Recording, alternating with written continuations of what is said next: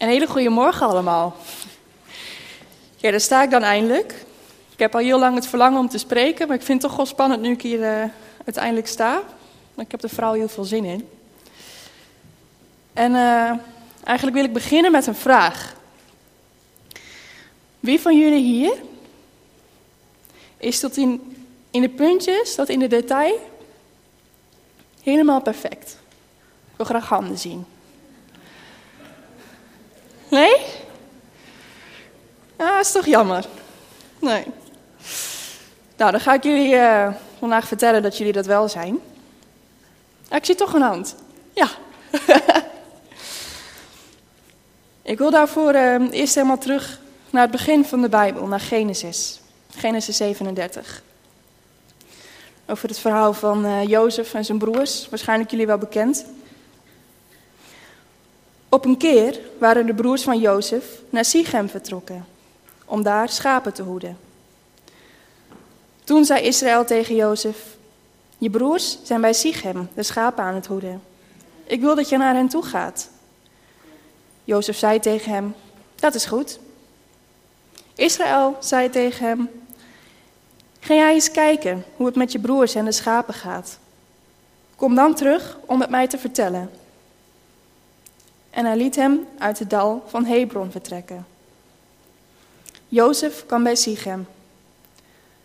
Toen hij daar het veld rondzwierf, kwam een man naar hem toe. Hij vroeg, hij vroeg Jozef, wat zoek je? En Jozef antwoordde, ik zoek mijn broers. Weet je ook waar ze hun schapen aan het hoeden zijn? En de man zei, ze zijn hier vertrokken. Ik heb hen horen zeggen dat ze naar Dothan wilden gaan. Toen Jozef zijn broers achterna en hij vond hen in Dothan. Zijn broers zagen hem al van ver aankomen. Maar voordat hij bij hen was, bedachten ze een plan om hem te doden. Ze zeiden tegen elkaar: Daar komt die meesterdromer. Laten we hem vermoorden en in een van de putten gooien. En we zullen zeggen dat een wild dier hem heeft geroepen, hem, hem heeft opgegeten. Dan zullen we eens zien wat er van al zijn dromen terechtkomt. Toen Ruben dit hoorde, wilde hij Jozef redden. Hij zei: Laten we hem niet doden. Jullie mogen geen bloed vergieten. Gooi hem in deze put, in de woestijn, maar dood hem niet. Want hij was van plan hem te redden en naar zijn vader terug te brengen. Toen Jozef bij zijn broers kwam, rukten ze hem de mooie gekleurde mantel af die hij aanhad. Ze grepen hem en gooiden hem in de put. Die was leeg, er stond geen water in. Daarna gingen zij eten. Toen ze opkeken, zagen ze een karavaan van Ismaëlieten aankomen. Hun kamelen droegen specerijen, balsemhars en mirre. De karavaan was op weg van Gilead naar Egypte. Judah zei tegen zijn broers: Wat hebben we er eigenlijk aan als we onze broer doden en ergens verbergen? We kunnen hem veel beter verkopen. Dan doden we hem niet, want hij is tenslotte wel onze eigen broer. Zijn broers vonden het een goed plan. Toen de handelaars uit Midian voorbij kwamen, trokken de broers Jozef uit de put en verkochten hem voor twintig zilverstukken. Ze namen Jozef mee naar Egypte. Toen Ruben aankwam bij de put, zag hij dat Jozef daar niet meer was. Hij scheurde zijn kleren als teken van verdriet. En hij ging terug naar zijn broers en zei: De jongen is er niet. Wat moet ik doen? Zo durf ik toch niet bij mijn vader te komen? Toen namen ze Jozef een mooie gekleurde mantel. Ze slachten een geitje en doopten de mantel in het bloed. Ze lieten de mantel naar hun vader brengen met de boodschap: Kijk eens wat we hebben gevonden. Is dat soms de mantel van uw zoon? Jacob herkende de mantel en zei: Ja, dat is de mantel van mijn zoon. Een wild dier heeft hem opgegeten. Ik kan mijzelf nog herinneren dat ik als klein meisje dit toch echt wel een bizar verhaal vond. Die broers die hun eigen kleine broertje Eerst in de put gooien. Wie, wie gooit nou zijn eigen kleine broertje in de put? Vind ik, vind ik bijzonder. Vond ik altijd raar vroeger. En uh, dan doet de gelegenheid zich voor om uh, dan toch maar een broertje te verkopen. En dan doen ze dat ook nog. En dan liegen ze ook nog eens tegen hun vader dat hun broer dood is. En dat is niet zomaar een leugen, is een goed voorbereide leugen. Ze, ze bereiden zelfs bewijsmateriaal voor om, om gewoon aan hun vader te laten zien van kijk, dit is er gebeurd. Zodat hun vader hen gelooft. Ik vond het altijd onbegrijpelijk en dacht, zo ben ik niet. Dat zou ik nooit doen. Maar afgelopen week heb ik dit verhaal een paar keer gelezen. En God vroeg aan me van, maar hoeveel verschillen wij nou echt met die broers van Jozef? In hoeverre um, zijn wij echt altijd de goede persoon? Ik, ik vergeleek mijzelf altijd met Jozef, met de goede persoon uit dit verhaal. Maar God zei tegen mij, wij doen net zo goed slechte dingen. Stel, je bent onderweg naar school of naar je werk. Je denkt alvast na over die ene persoon die je eigenlijk helemaal niet zo mag. Omdat die persoon altijd van die flauwe opmerkingen maakt of uh, nou, je mag die persoon niet. Ik denk dat de meeste mensen zo'n persoon wel kennen. dan kom je aan op je werk of op school en dan kom je erachter dat die persoon er vandaag niet is. Heel ergens ben je dan toch gewoon een beetje blij dat die persoon niet aanwezig is of niet. En wat nou als je um, daadwerkelijk dat aangeeft bij je mentor of bij je leidinggevende? En die persoon wordt uiteindelijk overgeplaatst. Nou, misschien wat ruzie, het heeft wat voet in de aarde, maar die persoon wordt overgeplaatst en jij hebt geen last meer van die persoon. Het is misschien toch wel een andere situatie, maar denk het eens in. Als je het zo bekijkt, lijken we misschien toch best wel op die broers van Jozef. Ik wil graag verder met jullie lezen. We gaan nu verder naar um, Genesis 42. Jozef, Jozef heeft inmiddels al van alles meegemaakt. Hij heeft als slaaf gewerkt voor Potifar.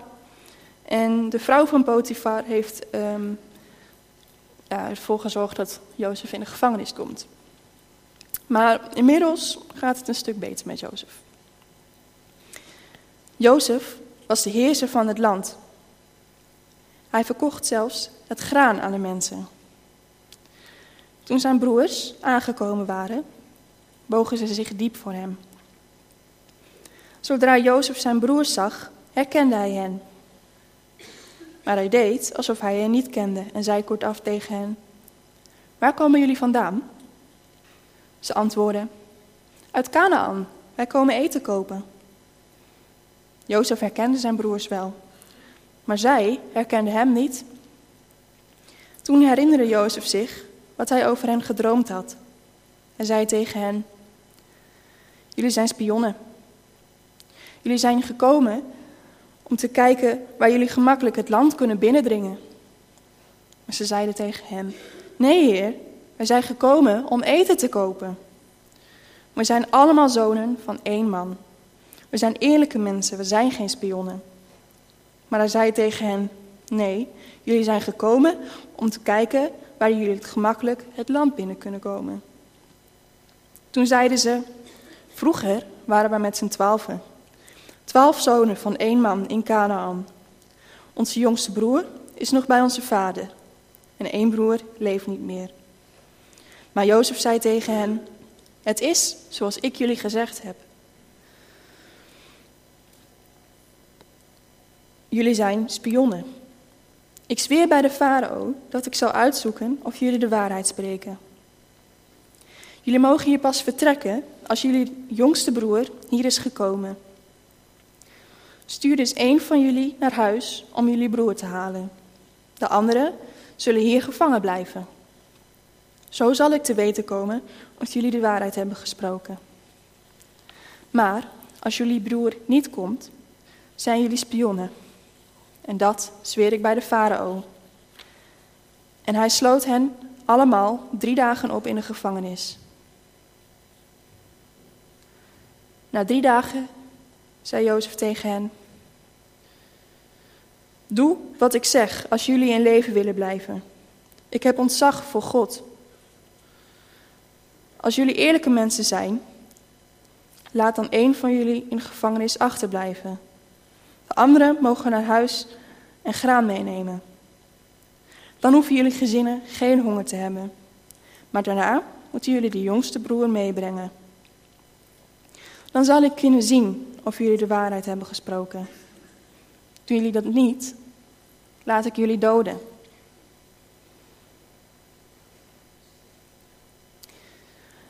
Stel nou, die ene collega die ene klasgenoot waar je eigenlijk zo'n hekel aan hebt, waar, je zojuist voor hebt gezorgd dat die uh, wordt overgeplaatst. Geen last meer van. Komt eigenlijk best wel goed uit. Maar dan krijg je van hogeraf een, uh, van je baas een, een, grote opdracht, waar je eigenlijk toch best wel tegenop ziet. En je gaat naar je baas en je vraagt om hulp of iemand je kan helpen. Nou, dan voel je hem al aankomen. Stel nou je baas verwijst je door naar die ene collega waarvan jij zojuist hebt gezorgd dat hij is overgeplaatst. Nou, juist net die ene collega is de uitgewezen persoon om jou te komen helpen. Dat is wat er verder in het verhaal gebeurt, in Genesis 45. Jozef kon zich niet langer goed houden. Maar hij wilde niet huilen waar iedereen bij was. Daarom stuurde hij alle Egyptenaren de zaal uit. Daarna vertelde hij zijn broers wie hij was. Daarbij moesten zij hevig huilen. De Egyptenaren hoorden het, want het was tot in het paleis van de farao te horen. Jozef zei tegen zijn broers: Ik ben het, Jozef. Leeft mijn vader nog? Maar zijn broers konden hem van schrik niet antwoorden. Toen zei Jozef: Kom alsjeblieft dichterbij. Ze kwamen dichterbij. En Jozef zei: Ik ben jullie broer Jozef, die jullie naar Egypte hebben verkocht. Wees daar niet verdrietig over.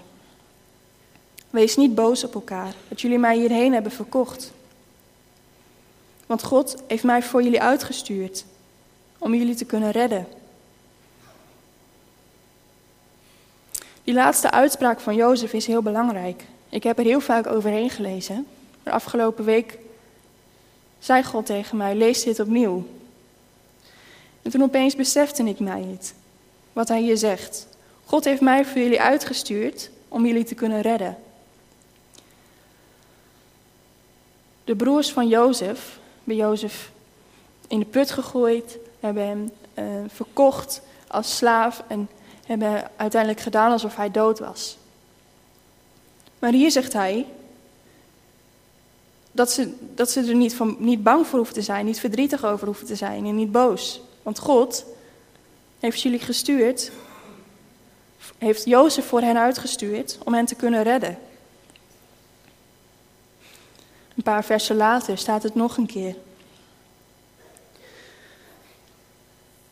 Daarom heeft God mij voor jullie uitgestuurd om ervoor te zorgen dat jullie in leven zouden blijven. Hij wilde jullie op een heel bijzondere manier redden.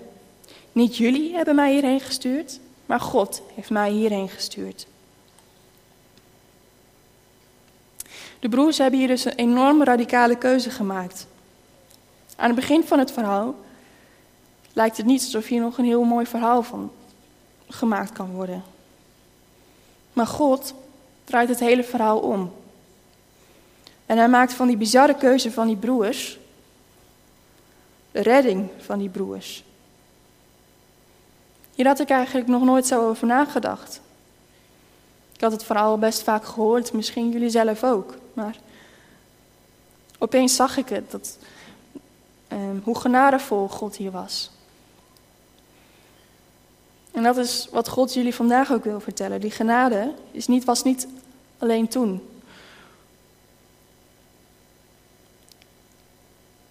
Dit verhaal komt uit de tijd um, dat alleen het volk Israël nog het volk van God was. Maar toen heeft Jezus al onze zonden op ons genomen. Hij is voor ons gestorven. Hij is weer opgestaan en hij heeft de dood overwonnen. Daardoor kan hij wat hij nu voor die broers heeft gedaan ook voor ons doen. Als wij fouten maken, hoe groot die fout ook is, het maakt niet hoe.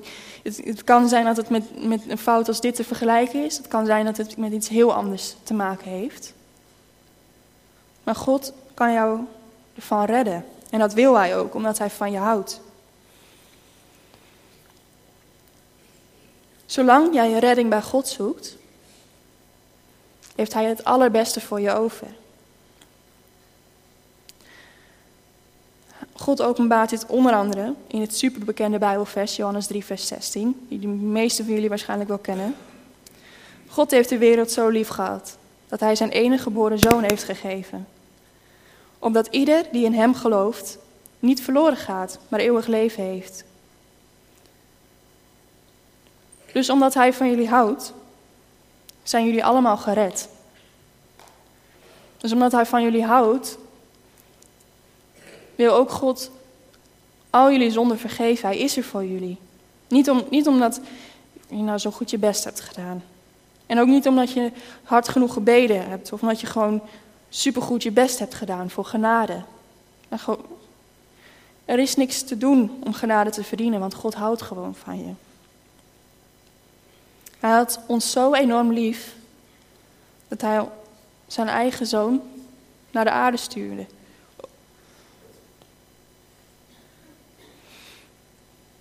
Dus zolang wij ons leven aan Jezus geven, zijn we vrij.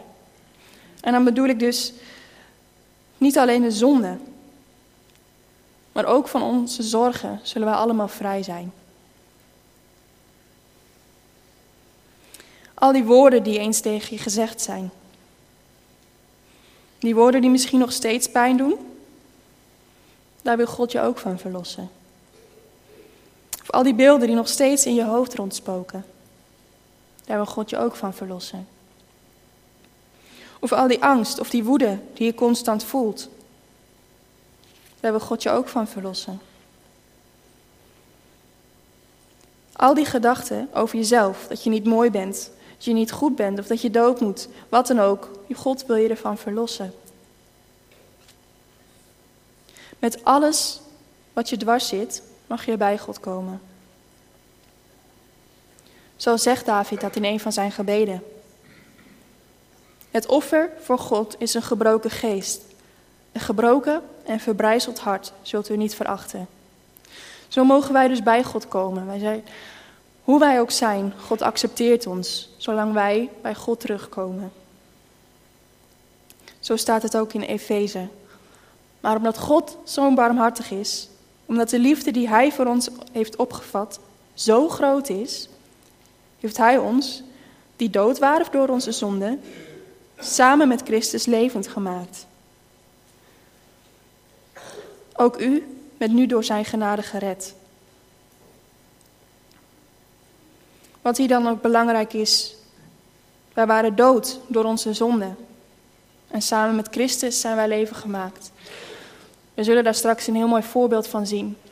In de doopbad straks. Dat God laat zien, wij mogen met onze oude ik ondergaan in het watergraf. En wij mogen met God, Gods geest, verder leven. We zijn dan dus niet meer onze oude ik, maar we mogen samenleven met God. We hoeven ons dan nergens meer zorgen over te maken. Maar we mogen alles vertellen in het, ons gebed aan God. Mogen Hem voor alles danken. Want God begrijpt ons. Hij beschermt onze gedachten. En Hij beschermt ons hart. We mogen alles waar we ons zorgen over maken in Gods handen geven, want Hij zorgt voor ons. Wij mogen al onze zorgen aan de Heer geven. Hij zorgt voor ons en hij laat ons nooit in de steek.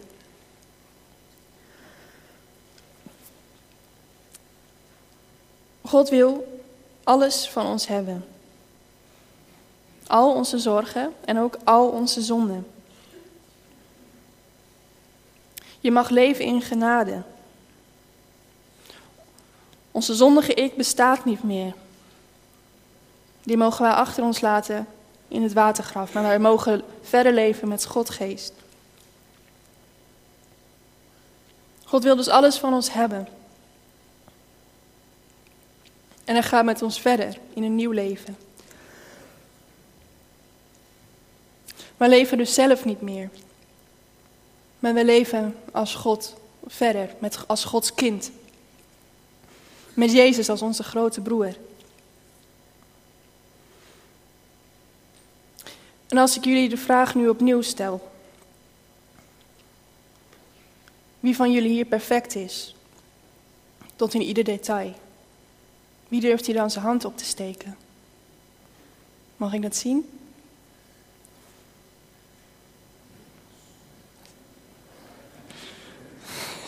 Het is toch steeds niet heel overtuigd.